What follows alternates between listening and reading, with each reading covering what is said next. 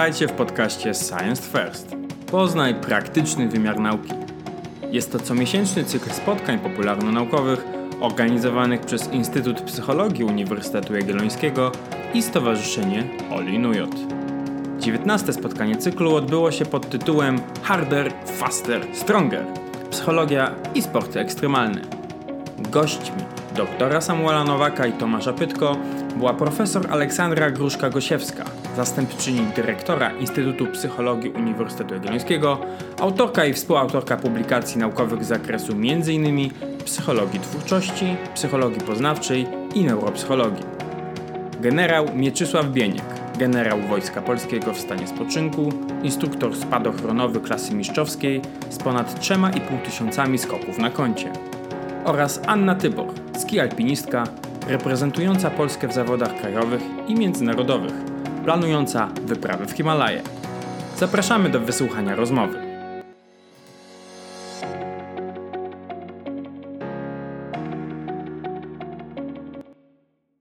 Pani profesor, ja z zaskoczeniem e, przyjąłem fakt, e, że pani profesor czynnie i aktywnie e, uprawia spadochroniarstwo. Jest koleżanką klubową pana generała klubu WKS Wawel. W jednej sekcji razem macie przyjemność być członkami. Jest pani profesor członkinią tej sekcji. I zastanawiam się, skąd psycholożka i spadachron, albo co było najpierw, spadachron czy psycholog, i skąd to wszystko się wzięło, bo to niecodzienna pasja i myślę, że jedyna w instytucie, a może na całym wydziale może się Pani pochwalić takim hobby. E, no dziękuję za te y, ciepłe słowa. Ja nie wiem, czy to jakoś jest szczególnie powód do chwalenia się. E, faktycznie, jak mnie Pan zaczął o tym pytać, to sobie pomyślałam, haha, no przecież y, najpierw byłam spadochroniarzem, a potem zostałam y, profesorem, więc w zasadzie można by powiedzieć, że taka koincydencja, że te dwie rzeczy działy się w pewnym sensie jednocześnie. Nie wiem, dlaczego tak się stało, ale przypomina mi się, jak jako dziecko miałam trzy marzenia. Chciałam być spadochroniarzem, chciałam być płetwonurkiem i chciałam zajmować się mózgiem. E, no i nie wiem, no jakoś w pewnym sensie wszystkie te trzy rzeczy się udały. E, no i tak oto tutaj dzisiaj jestem. Czyli rozumiem, że e, dodatkowo pani profesor zdradza swoją drugą pasję, jaką jest nurkowanie. No, nie do końca. Ja spróbowałam tego sportu, ale dla mnie pod wodą było za zimno. Poza tym nie miałam aż tyle czasu, żeby obie te dyscypliny ze sobą łączyć, bo to są głównie letnie dyscypliny. No więc ostatecznie zwyciężyła miłość do powietrza. No to w sumie możemy zadać, idąc tym tropem dalej, pytanie, bo pan generał, kiedy wstępował do wojska, no to była, mówmy się, moda. Niektórzy uciekali przed wojskiem, niektórzy do niego gnęli, ale e, no zapewne w swoim życiu mógł pan generał dokonać różnych wyborów. I czemu wtedy, lata temu, padł właśnie wybór na wojsko, jeżeli możemy tak zacząć od samych początków zarania? To bardzo trudne pytanie. E, sądzę, że w 1969 roku to był wiek, gdzie wasi rodzice byli chyba w moim wieku, e, gdzie każdy młody chłopak miał marzenia latać na szybowcach, skakać, uprawiać sporty. Nie, mówiliśmy, nie, nie, znaliśmy wtedy pojęcia sporty ekstremalne, bo one były trudne, ekstremalne wiążą się z ryzykiem. E, rozpocząłem od szybownictwa, ta krótka przygoda trwała tylko 4 miesiące, ale pochłonęło mnie spadochroniarstwo. Wykonałem pierwszy skok i, e, i nagle to zaiskrzyło. Zaiskrzyło to u chłopaka, który miał wówczas 17 lat w Aeroklubie Opolskim i pomyślałem tak, to chyba będzie to. Przy tym uprawiając różne inne sporty, takie jak królowa sportu, jakim jest lekka atletyka, prawda, łączymy z podniesieniem ciężarów w słynnych LZS-ach, nie wiem czy to wiecie, co to były LZS-y jeszcze, jesteście zbyt młodzi, to są ludowe zespoły sportowe. W każdej wiosce, w każdej wsi, w każdej gminie była świetlica, której dzisiaj nazywałem siłownię, prawda, y, jakieś inne wymyślne rzeczy, a wtedy to były LZS-y. No i uprawiałem te wszystkie sporty, trafiłem do Wyższej Szkoły Oficerskiej Wojsk Zmechanizowanych, a tam e, to była mekka dla wszystkich ludzi, którzy mieli e, w sobie jakąś taką żyłkę sprawności fizycznej, mogli się spełnić w różnego rodzaju sportach, w trójboju siłowym, w trójboju spadochronowym, gdzie to była mordercza walka, bieg na 3 kilometry, skok na celność lądowania i strzelanie z różnych pozycji. No więc cóż można sobie lepszego było wymarzyć z jednej strony pozazdrościć, niektórym pewnie taka, y, taka, taka myśl przeszła przez, przez głowę, kiedy na przykład w każdej polskiej miejscowości było takie miejsce, gdzie, gdzie młodzież mogła się aktywizować. teraz te, te miejsca y, pewnie już lata temu potupadły, ale Aniu, podejrzewam, że ty większego wyboru nie miałaś w swoim życiu. No nie. Nie, nie. To znaczy w sumie ja od dziecka zaczęłam jak, jak to ludzie z Zakopanego jeździć na nartach. Zresztą już chodzenie po górach to praktycznie w brzuchu u mamy. Mama mnie zabierała także na wycieczki po Tatrach, także zawsze ten sport, narty, no zawsze był w moim życiu. No ale y, żebyśmy też w pełni przedstawili Anię, ja tutaj muszę uzupełnić, Ania jest magistrem inżynierem architektury, więc y, za pasją sportową poszła drogą profesjonalizmu i zawodowstwa, ale zawód zdobyła i w białym kasku bywa. Tak, tak, tak, tak. Pracuję obecnie w Szwajcarii, e, właśnie w biurze architektonicznym. Także nadal łączę dwie, dwie rzeczy, i sport, i architekturę. Ja będę miał pytanie do profesor Gruszki Gosiewskiej, ale chciałbym dodać jedną rzecz. Moje związki ze sportami ekstremalnymi są w zasadzie żadne. Pozostaje też wysoce sceptyczny wobec takiej formy spędzania wolnego czasu, ale jeden z moich dziadków e, był spadochroniarzem, był skoczkiem, był w czerwonych beretach. E, dziadek Józef, więc go gorąco e, pozdrawiam z tego, e, z tego miejsca. E, a pytanie do profesora Gruszki Gosiewskiej. E, co psychologia może powiedzieć o osobach, które angażują się w sport ekstremalny? Czy są jakieś związki między osobowością a zainteresowaniami takimi sportami? Myślę, że możesz też wystąpić trochę w podwójnej roli, zarówno jako osoby która, samej, która jest podochroniarką, no i jak e, badaczce, e, która zajmuje się e, zawodowo psychologią. Mhm. No cóż, myślę, że zadałeś bardzo złożone pytanie, e, a teraz tutaj na ekranie widzę tylko siebie i to jakoś mi niespecjalnie pomaga się skupić, ale się postaram. Myślę, że tak. Najlepszym punktem wyjścia do mówienia o tym, dlaczego ludzie uprawiają sporty ekstremalne czy angażują się w ryzykowne aktywności, jest spojrzenie na taką właściwość, która się nazywa temperamentem. Temperament to jest ta najmocniej biologicznie uwarunkowana część osobowości, czyli ta, gdzie e, e, geny odgrywają najmocniejszą rolę.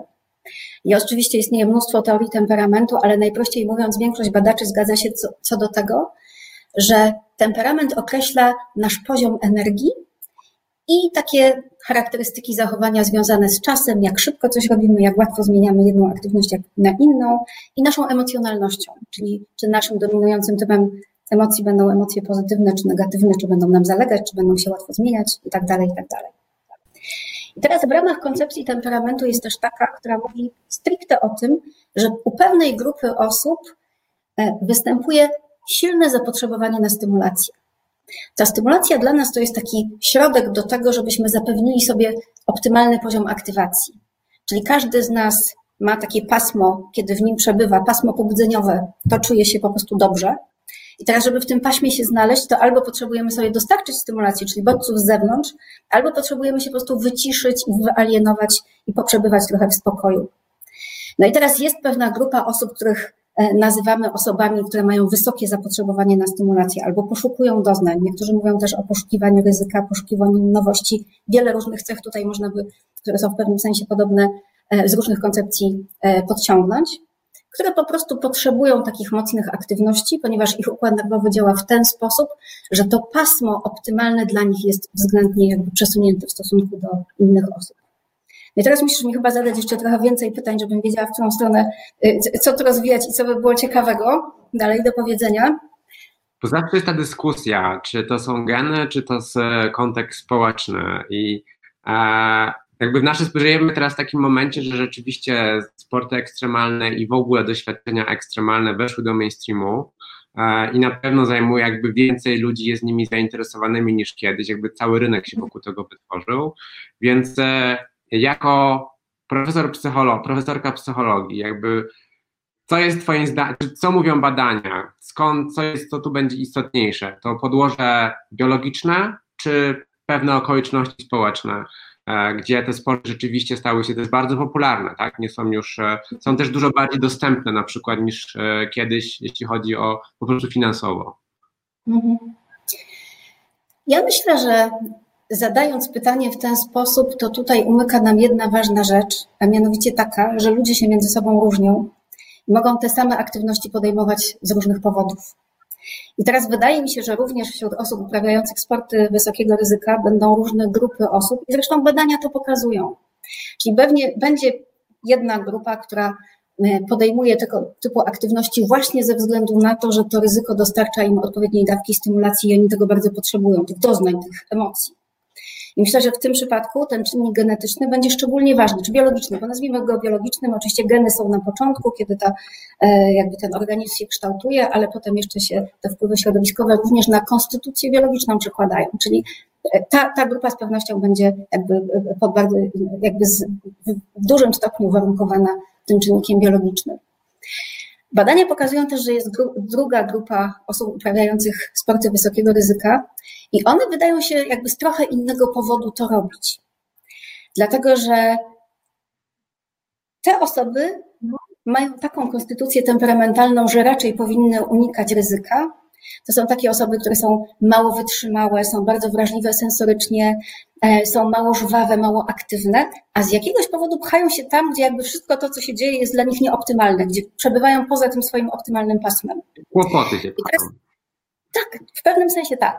I teraz ta grupa z kolei jakby jest rozumiana w ten sposób, że to są osoby, które potrzebują tych doznań po to, żeby sobie jakby coś innego w tym systemie zahamować, nie? Czyli żeby uciec z jakichś emocji, uciec od jakiejś, nie wiem, sytuacji, przeżyć i tak dalej, to to jest dla nich taka odskocznia. Może nie najlepsza, no ale jest. No pan, tak... pan, generał tutaj chce y, bardzo dodać, widziałem swoje, swoje pięć groszy. Proszę bardzo, panie tak. generale. Y, ja zawsze podziwiam Ole za jej temperament, za jej podejście naukowe do tematu, ale ja to tak prosto powiem, jako dowódca polowy. Dowodziłem również szóstą brygadą powietrzno-desantową i proszę pozdrowić dziadka i dowodziłem batalionem powietrzno-desantowym.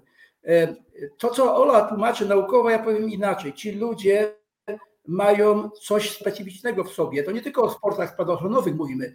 E, przykładowo instruktorzy spadochronowi, ci, którzy są już wyczynowcami, jak samolot stoi, śmigłowy, turbośmigłowy krzyczy pilot od, od śmigła, to ci spadochroniarze krzyczą, czyli coś jest nie tak. to znaczy to, to podjęcie ryzyka to jest to, co wyróżnia tych ludzi, którzy te sporty ekstremalne uprawiają. Oni chcą podjąć ryzyko, będąc po pierwsze w jakiejś grupie elitarnej.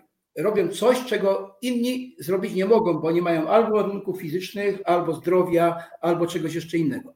Drugim takim aspektem chcą sprawdzić siebie samych. Ja już mówię o takim wyczynie bardziej. Siebie samych. Jakie bariery mogą przekroczyć. Za Partem Tchem cztery lata temu, albo pięć, oglądałem wyczyn Felixa Baugmantera, który wyskoczył z 39 tysięcy metrów. To jest granica już atmosfery, to jest przestrzeń kosmiczna. On nie zrobił tego tylko, żeby sobie coś... Tak, to było ponad dwa lata przygotowań. Balonem, balonem stratosferycznym wszedł w tą stratosferę, prawie przeszło kosmiczną. Przygotowanie do tego skoku, wyjście w, w skafandrze stratosferycznym, e, spadanie, przekroczenie bariery dźwięku, w końcu otwarcie spadochronu, orientowanie. Tam było szereg naukowych zagadnień, które trzeba było rozwiązać. Między innymi, w jaki sposób kapsułę kosmiczną mogą astronauci opuszczać. I trzecim aspektem podjęcia takiego, takiego działania to jest tego, tego ryzyka, tego sportu ekstremalnego, który tutaj aspekt psychologiczny, który Ola poruszyła, to jest odpowiedzialność. Bo my uprawiając te sporty, e, spinając się po górach, jeżdżąc na nartach wyczynowo, snowboardowo, e, zjeżdżając z wysokich gór na rowerach górskich, skacząc albo latając między przeszkodami, czy latając w tych wingsuitach, my narażamy swoje życie bo myślimy, że to nam daje szczęście, to nam wyzwala endorfiny i tak dalej, ale musimy pamiętać o tym, że my również narażamy naszych bliskich na stres.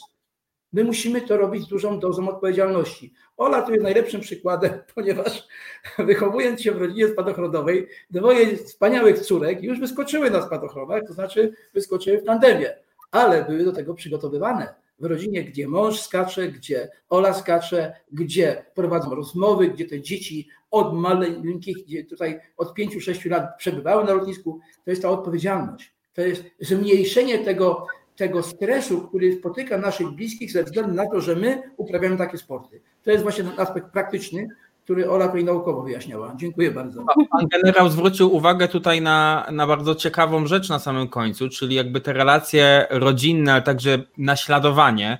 Aniu, i teraz chciałem się zwrócić do ciebie, łączymy się z Liwinio. E, twój tata był również wyczynowcem, e, uprawiał ski alpinizm. E, no, na samym początku nawiązaliśmy, że ty nie miałaś wyboru, ale byłaś tą małą dziewczynką kiedyś, miałaś pewnie swoje bardziej, może nie wiem, pasje inne, dziewczęce, ale e, zrozumiem, że z jednej strony miałaś autorytet rodziców, ale także czy rodzice w jakikolwiek sposób, nie wiem, no, pchali cię właśnie do tej dyscypliny? Kiedy się znalazłaś w klubie sportowym i czy, czy byłaś rzeczywiście tego przygotowana, tak jak pan profesor, pan generał zauważył?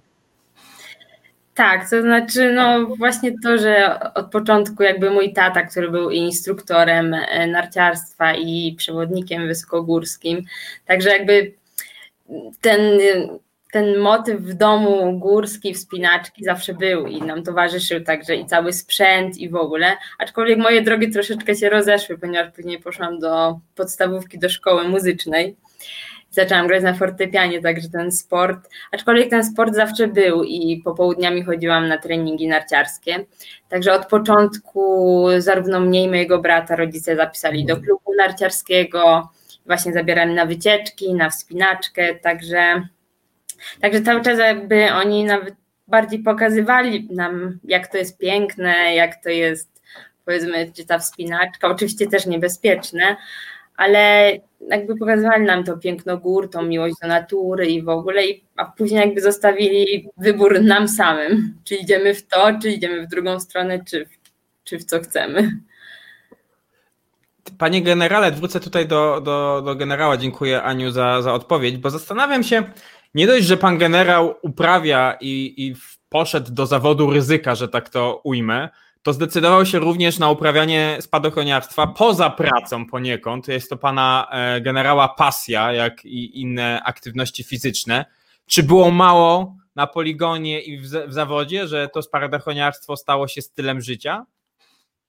E, musimy tutaj rozróżnić dwie, dwa aspekty spadochroniarstwa. Spadochroniarstwo to takie bojowe, gdzie skacze się z pełnym pożądaniem wności, gdzie właściwie spadochron jest takim elementem przeniesienia żołnierza na pole walki. Człowiek tylko wyskakuje, jest 200-300 metrów na otwarcie spadochronu i natychmiast znajdujemy się w rejonie działania przeciwnika. I tak się szkoli spadochroniarzy bojowych. Czyli to jest tak Panie generale, a ja bym tutaj pytał, jak ciężkie jest uposażenie y, wojskowe do skoków?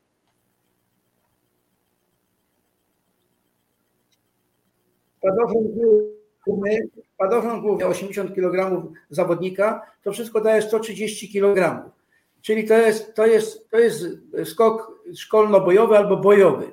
Natomiast Hollywood Jump, jak to nazywamy, to jest spadochron wyczynowy, to skaczemy na duże opóźnienie. Oczywiście trzeba mieć olbrzymie umiejętności e, albo nacenność lądowania i ten, tam ta, nasza sekcja WKS Wawel, może tutaj będzie kryptoreklama, którego Ola jest również członkiem i, i jej małżonek również jest wielokrotnym mistrzem Polski, mamy tam i mistrzów świata, i mistrzów Europy. My się szczycimy tym, że to spadochroniarstwo tak nas wciągnęło, że uprawiamy je wyczynowo. Ja jestem prezydentem tej sekcji od 20 lat, już pora, żebym się chyba podał do dymisji, ale jakoś nie chcą mnie jeszcze zdymisjonować. Natomiast proszę sobie wyobrazić, że oprócz to, właśnie o czym to mówiłem, o tym, że wyzwala się adrenalina, daje nam to poczucie szczęścia, chcemy się sprawdzić, ale oprócz takich rzeczy musimy utrzymywać się w sprawności fizycznej. Ja nie będę ukrywał swojego wieku, mam 69 lat. W tym roku wykonałem on ma niemal 40 skoków i wszystkie z wysokości 4000 metrów. Mam chyba 10 mniejszych wysokości. Czuję się świetnie, ale oprócz tego to pozwala mi uprawiać inne sporty, które również y, moją sprawność w jakiś sposób utrzymują, typu kitesurfing, windsurfing, tenis, oczywiście Oczywiście oświadczam, że bolą mnie kolana, ale bardziej po tenisie niż po skokach spadochronowych. I wszystkich zachęcam do, do uprawiania sportów, niekoniecznie ekstremalnych. Natomiast pytanie, które mi Pan zadał, y, dlaczego to tak ludzi wciąga? To są sporty przestrzeni. Pani Ania pewnie wie, że przebywanie na świeżym powietrzu, narty, snowboard, bieganie, wspinanie, to są sporty przestrzeni. Jesteśmy tylko my i powietrze i naprawdę piękna przyroda wokół nas. Tenis na przykład, ja nie, nie cierpię grać na hali. E, powiedział mi to Wojtek Fibak, mówię, Miecze, Mieczysławie, tenis to jest sport otwarty. Te hale, te wszystkie turnieje wewnątrz, to jest nie tenis. Natomiast w związku z tym, że mamy e, e, sezon krótki, uprawiamy ten tak w halach, ale jednak to jest sport przestrzeni i sporty przestrzeni są czymś, co bardzo kochamy wszyscy. Dziękujemy panie generale za, za odpowiedź. No i gratulujemy tej, tej kondycji. Życzylibyśmy sobie na pewno w pana wieku być tak aktywną osobą. Ale e, wrócę na chwilę do Liwinio, zanim wrócimy e, w okolice Parku Jordana, bo e, Aniu powiedziałaś o tym, że no rodzice pokazywali wam z bratem góry, że zachęcali was do uprawiania sportu, że trafiłaś do sekcji, do, do klubu sportowego, ba, twoim kolegą klubowym jest znany może niektórym Andrzej Bargiel, ale e, no, stwierdziłaś, że to chyba za mało, bo a, wy, wyprowadziłaś się do Włoch, zamieszkałaś w cudownym miejscu, jakim jest Livigno, e, gdzie masz genialne warunki do trenowania, ale żeby ci było mało e, Alp, oczywiście, bo Mont Blanc masz już na swoim koncie, to, to i Kazbek to było za mało, później Pik Lenina to było za mało, 7 tysięcy, no i co teraz? Pakujesz się powoli no albo póki co szykujesz konto na wyprawę na Manaslu. Jakby co pchacie wyżej i dlaczego? Czy jesteś w stanie określić ten czynnik? Czy, czy jest cecha w tobie, a może w otoczeniu, która wyzwala w tobie chęć więcej i więcej? Znaczy ja myślę, że to cały czas jakby i te Himalaje i powiedzmy, że całe, cała biblioteczka u mnie w domu zawsze są tam książki o górach, o Himalajach, więc całe życie czytam te książki o tych sławnych Himalajistach, których w Zakopanym też mamy dużo i ogólnie w Polsce. Powiedzmy, że jesteśmy naprawdę narodem wiodącym, jeśli chodzi o himalaizm, himalaizm zimowy i w ogóle. Także jakby to powiedzmy i środowisko, to gdzie się wychowywałam właśnie i, i czy właśnie koledzy taty z Topru, Toprowcy, y, gdzie często chodziłam i ich poznawałam, rozmawiałam z nimi, także tam gdzieś zrodziła się ta miłość, to zainteresowanie Himalajami.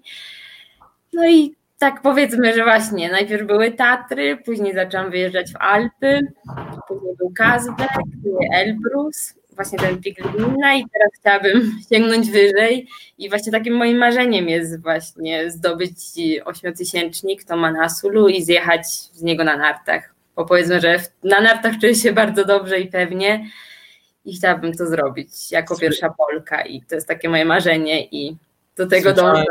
Słyszałem, że pewniej czujesz się na nartach niż w samochodzie. tak. Niż na w ogóle Pewnie się czuję na nartach, nawet jak wychodzę na butach gdzieś, jak jest jakiś żleb stromy, to się, powiem szczerze, niekiedy właśnie zaczynam się troszeczkę bać, ale jak już założę narty, to wszystko mija. Ale Aniu, no podejrzewam, że na Manaslu się nie skończy. Czy jesteś w stanie jakby określić czemu więcej? No bo okej, okay, zrobisz coś jakoś pierwsza. Wspomniane książki, no ja też czytam i wielu Polaków, to są bestsellery. Pan generał tutaj też się zaraz widziałem pochwalić taką książką. No ale można na tym zakończyć. O, wspaniała książka o Toprze. O Toprze dzisiaj będziemy rozmawiać również. Um, Aniu, y jesteś, jesteś w stanie określić, okej, okay, powiedziałeś o środowisku, o otoczeniu, a czy w sobie jesteś w stanie, zaraz dopytamy o to z kontekstu już specjalistę, psycholożkę, ale czy ty jesteś w stanie i czujesz, co tak naprawdę pchacie do tych kolejnych wyzwań? Znaczy, myślę, że to tak, no na pewno te marzenia, prawda, czyli to, to marzenie jest we mnie, prawda, to, to jakby się rodziło przez lata, czyli właśnie ta chęć zdobywania więcej, wyżej, to na pewno, ale myślę, że to pani profesor będzie lepiej wiedzieć, skąd może, skąd może się to bierze. No nie wiem, po prostu taka pasja, zresztą no właśnie moją pasją są góry, więc jakby ta różnorodność tych gór, wysokość, coś takiego. No właśnie, wszyscy mówią o adrenalinie, o potrzebie emocji i to pytanie do profesor Grupki Gosiewskiej.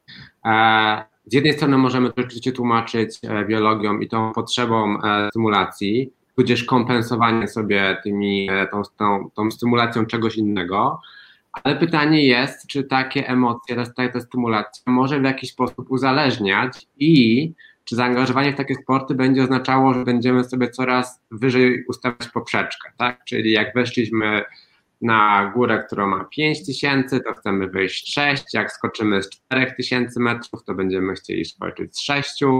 Eee, czy, czy tak to właśnie działa? Czy może tak to zadziałać i czy gdzieś to się może zakończyć? Eee, psychologia ma i zarówno pani jako, e, jako spadochroniarka, e, czy można to jakoś wytłumaczyć i pisać w ten sposób? Myślę, że w pewnym sensie odpowiedź na to pytanie jest zawarta w pytaniu, czyli faktycznie tak jest, że ten mechanizm uprawiania tych sportów i mechanizm uzależnieniowy jest bardzo podobny. W obu przypadkach działa to na zasadzie dodatniego sprzężenia zwrotnego, czyli jakby im więcej tego czegoś robimy, tym w pewnym sensie mamy apetyt na więcej. E, podobne są też biologiczne korelaty uzależnień i e, aktywności sportowych tego typu, czy tych ekstremalnych aktywności. Na przykład, no nie wiem, było takie badanie z 2014 roku, gdzie właśnie dużą grupę różnego typu narciarzy, e, takich ekstremalnych, zaproszono do udziału, bo ponad 300, tam prawie 380 osób, i sprawdzano pewien specyficzny gen, jaką ma postać. Ten gen jest nazywany genem przygody. No i się okazało, że większość tej grupy ten gen przygody ma właśnie w takiej postaci, która jest też podobna do tego, co się dzieje w przypadku osób uzależnionych od różnych substancji psychoaktywnych.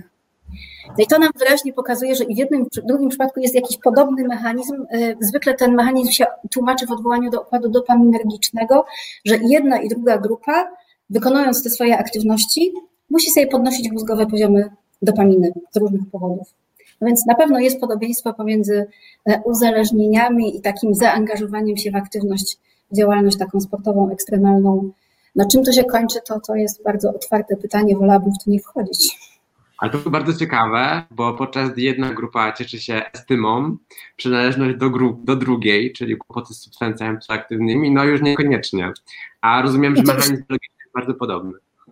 Jeśli mogę się wtrącić, w związku z czym pojawiają się w literaturze takie koncepcje, że sporty ekstremalne to jest taki sposób kompensacji różnych, powiedziałabym, trudności mózgowych, z którymi walczą na co dzień osoby, które popadają w uzależnienia. Że to jest forma kompensacji jakiegoś mechanizmu, tylko akceptowalna społecznie, w przeciwieństwie do tamtej, która jest społecznie nieakceptowalna.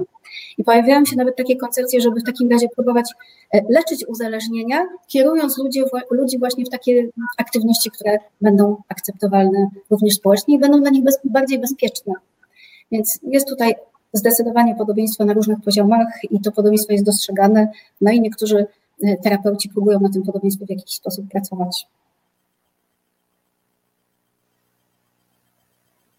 Tomku, nie słychać Cię, masz wyciszony mikrofon? Panie, panie generale, widziałem, że chce Pan coś dodać. E, tak, tak. Tutaj e, bardzo słuszne przemyślenia macie Państwo. Jak to powiedział jeden ze znanych zakonników, wiek to stan umysłu. Na pewno to jest stan umysłu, ale te bariery dalej, wyżej, szybciej mają swoje ograniczenia wiekowe. To zresztą zaśpiewał bardzo ładnie Joe Cocker w piosence Every Generation Has Its Own Place. Ja mogę powiedzieć tak, że dzisiaj, gdybym rozpoczynał naukę tych sportów ekstremalnych, to bym się chyba zabił od razu. Trzeba wiedzieć, kiedy e, pewne rzeczy już należy ograniczać. Mniej wyciskać w leżeniu, e, wolniej biegać, skakać nie 8 skoków w ciągu dnia, tylko 4 i tak dalej, i tak dalej. To, jest, to, to, to daje do przemyślenia wszystkim tym osobom, które chcą już wszystko od razu. Nie da się. Trzeba sobie zdawać z tego z upływu lat, bo i układ kostny, mięśniowy, ale i reakcje organizmu są zupełnie inne. To tylko tyle, co chciałem dodać. Mhm. Panie generale, pan generał powiedział o ojcu Leonie Knabicie, gdyby ktoś chciał wiedzieć, e, z, tak z Tyńca, ale ja bym pana generała zapytał, bo jest pan też rodzicem i, i, i pana pociechy poniekąd, już no nie do końca takie małe pociechy dorośle osoby, też poszły w pana ślady.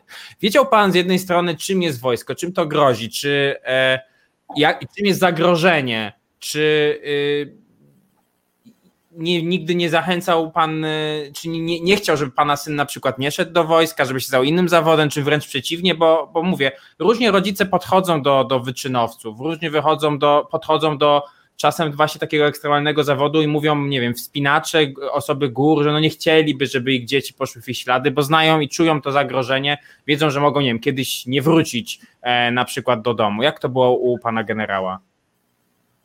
No właśnie, to jest dobre pytanie. Ja nigdy nie zachęcałem, ja zawsze zachęcałem dzieci, zresztą moja małżonka to e, wspierała mnie w tym wszystkim, żeby uprawiały dzieci aktywnie e, sport, różnego sportu, rodzaju sportu. Lekka atletyka to jest matka królowa wszystkich sportów, a ona wiedzie do innych sportów. Wszystkie dzieci, wszystkie moje dzieci uprawiały sporty, a i wszystkie wyskoczyły ze spadochronem również. Dwóch synów jest instruktorami spadochronowymi w wojskach specjalnych.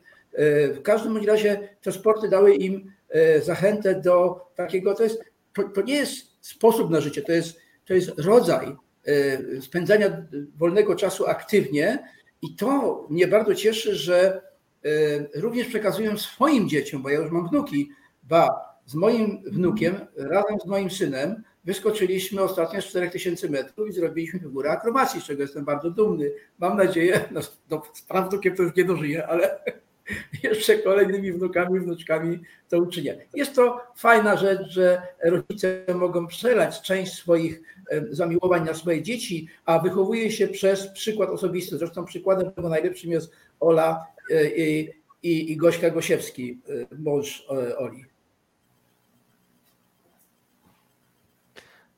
Pani profesor, to ja bym tutaj zapytał, czy dlaczego lubimy się bać? A może nie ma tego strachu, ale podejrzewam, bo też zdarzyło mi się y, uprawiać w życiu różne y, ciekawe dyscypliny i gdzieś mnie ciągnie tego, co, co, co straszne dla niektórych. Moja mama mówi zawsze, jedno masz życie, jak widzi już pagórek, to, to jej się łzy napływają do oczu i ty z tego zjeżdżasz? No ja mówię, nie mamo, z tego obok, trzy razy większego. E, więc czy, czy jesteśmy w stanie powiedzieć psychologicznie, no bo adrenalina adrenaliną, ale strach to jest zupełnie co innego. Mhm. No ja myślę, że tutaj y, trzeba by powiedzieć coś takiego, że dawniej faktycznie o tych y, osobach uprawiających sporty ekstremalne myślano jako o kimś, kto ma jakąś patologiczną relację ze strachem e, i po prostu albo go nie czuje, albo jest wariatem i dlatego lubi to robić. A teraz y, bardzo dużo się pisze o tym, że osoby uprawiające sporty ekstremalne to nie są osoby, które robią to incydentalnie i jakoś tak powiedziałabym, no nie wiem, tak o, impulsywnie. Pan generał o tym mówił, pani Ania też o tym mówiła, że to jest coś, co wymaga niezwykle starannych przygotowań. Nierzadko w trakcie wykonywania wymaga niezwykle wysokiej koncentracji niezwykle wysokiego zaangażowania. E, I to wszystko sprawia, że ta relacja pomiędzy aktywnością a strachem jest inna. E, I właśnie w różnych badaniach takich, to się nazywa, nie wiem, fenomenologiczne, jakościowe analizy, gdzie osoby uprawiające sporty ekstremalne są pytane o to, dlaczego to robią. To one mówią, że robią to nie dla strachu, ale pomimo strachu, ponieważ wejście w specyficzną relację, w specyficzny kontakt z tym strachem, wytrzymanie go pójście dalej pozwala im po prostu przekroczyć siebie, nie? pozwala na wejście w zupełnie nowe obszary swoje, swojej osobowości, swoich możliwości. To jest niezwykle nagradzające. To jest coś, co po prostu sprawia, że poszerzają, no nie wiem, siebie jako, jako osobę, nie? poszerzają swoje możliwości. Myślę, że to jest tutaj ważne. Nie? Czyli jest ten nasz dopaminy, adrenaliny, o którym wcześniej mówiliśmy i to pewnie dla części osób jest niezwykle nagradzające, no to są ci poszukiwacze stymulacji, ale jeszcze jest ta grupa, o której pan generał na samym początku mówił, o której ja też nie zdążyłam wspomnieć, tych takich odpowiedzialnych, tych, którzy robią to w sposób bardzo zaplanowany, systematyczny i celowy, no i właśnie myślę, że to będą ci, którzy jakby w sposób systematyczny z tym strachem pracują, ale to poszerza ich możliwości życiowe, ich spojrzenie na siebie, na to, co mogą zrobić w swojej rzeczywistości poza, poza skakaniowej, poza, nie wiem, zjazdowej, poza sportowej. To ja bym chciał dopytać, e, bo mówiła Pani rzeczywiście o tym doświadczeniu, które pozwala w jakiś sposób przekroczyć siebie, ale czy może dać Pani jakiś przykład, kiedy to doświadczenie rzeczywiście w zupełnie innym kontekście, nie będące nie będą, czyli innym uprawianiem sportów ekstremalnych, może nam e, wnieść jakąś. Jego przeżycie może być wartością, która nam pomoże coś innego lepiej zrobić albo inaczej lepiej doświadczyć. E, mhm. A czy mogę tym razem. Proszę? Próbuję sobie coś takiego wyobrazić, nie za bardzo wiem, gdzie to doświadczenie mogłoby mi pomóc. to jeśli mogę, to się odwołam do mojego osobistego tutaj przykładu i doświadczenia. Kiedy zaczynałam skakać, byłam przekonana, że nigdy w życiu nie odważę się ułożyć sama sobie spadochronu, ponieważ jest to po prostu kupa szmaty i sznurków, które trzeba bardzo precyzyjnie złożyć, bo inaczej się nie otworzą. Prostu w głowie mi się nie mieściło, że ja mogę to zrobić. Po jakimś czasie skakania okazało się, że trudno jest mi sobie wyobrazić sytuację, kiedy ktoś inny to za mnie układa, bo ja po prostu nie wiem, jak on to zrobił i jak to wszystko starannie jest tam przygotowane do skoku. I ta umiejętność, nie wiem, czy ta taka nowa kompetencja brania odpowiedzialności za to, co się będzie ze mną działo, przygotowania się do czegoś trudnego, myślę, że przeniosła mi się na inne poza skakaniowe sfery funkcjonowania. Czy to jest dobry przykład, czy to, to jest jakby odpowiedź na Pana pytanie? Tak, to jest e, dobry przykład. Mhm. Okej, okay, bardzo dziękuję. E, dziękujemy za, za Wasze pytania w komentarzach. E, bardzo zachęcamy do kolejnych, zaraz do nich po, powrócimy. Panie generale, oddaję głos, bo widziałem chęć odpowiedzi również.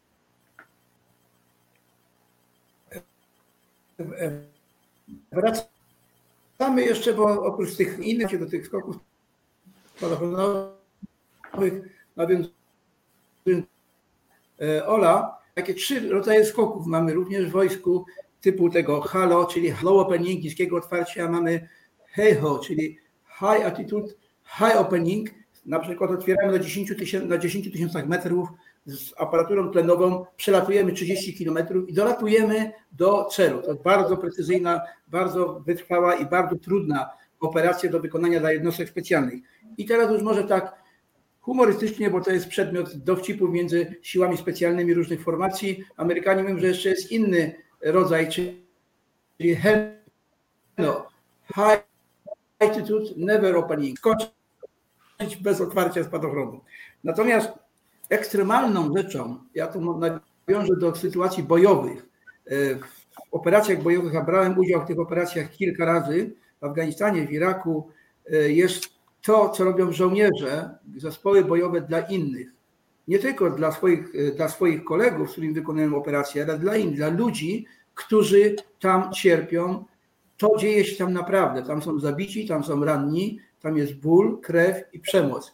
I dla tych właśnie ludzi e, należy się wielki szacunek, bo ich adrenalina jest tak olbrzymia po wykonaniu zadania, że żaden sport ekstremalny nie jest w stanie tego oddać. Dlatego też, i tutaj chciałem Państwu również zadedykować ten medal, dawaliśmy takie coiny, tak zwane coin for excellence dla żołnierzy, którzy wykonywali zadania bojowe w trudnych warunkach, żeby im to przynosiło szczęście, a ci, którzy zostali ranni, żeby jak najszybciej wyzdrowieli.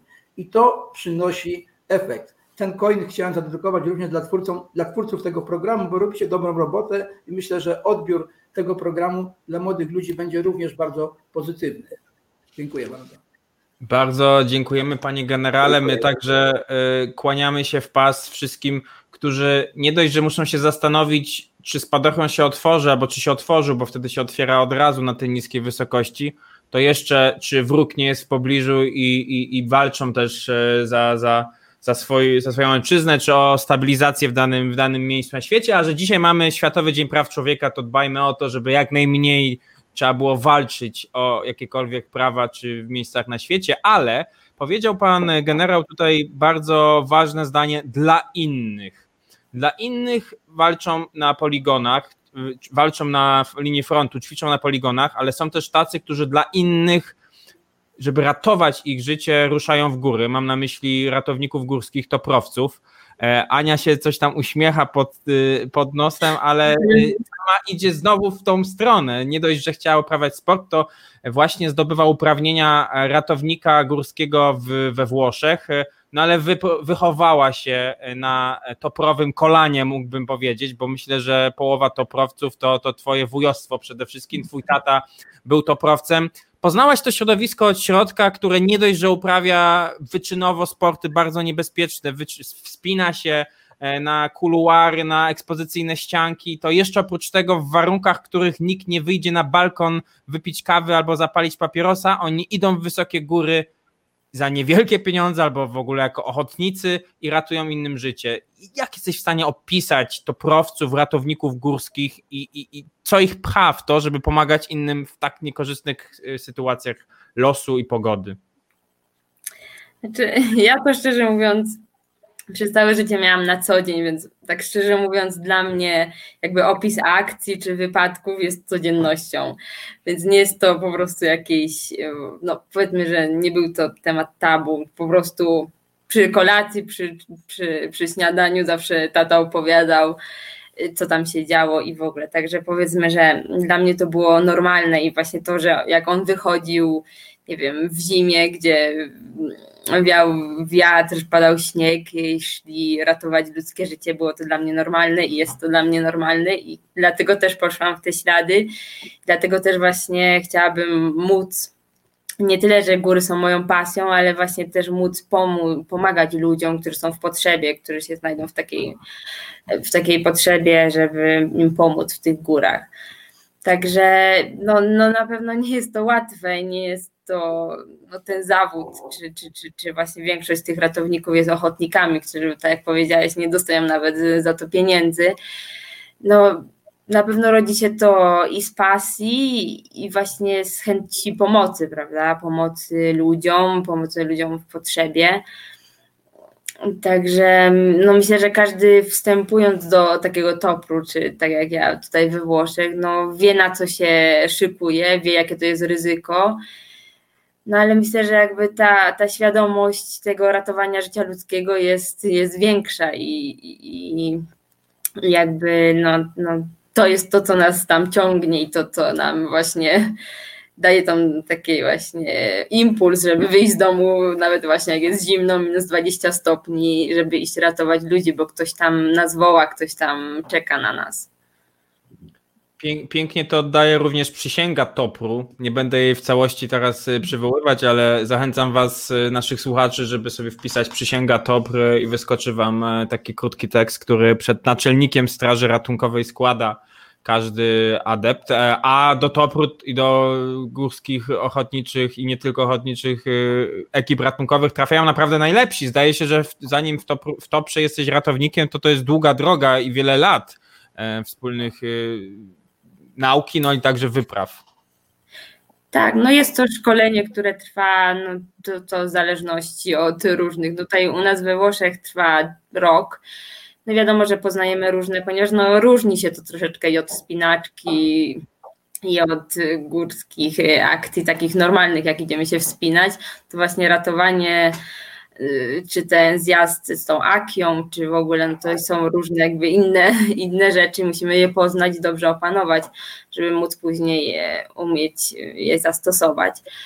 Mm, także, no właśnie, to jak powiedziałeś, też te słowa przysięgi, ja byłam wielokrotnie na, na Dniu Ratownika i, zawsze właśnie, powiem szczerze, zawsze się wzruszam w tym momencie, kiedy, kiedy właśnie nowi ratownicy przysięgają, składają tą przysięgę właśnie słowa tej przysięgi są naprawdę, jak dla mnie, bardzo ważne i bardzo wzruszające.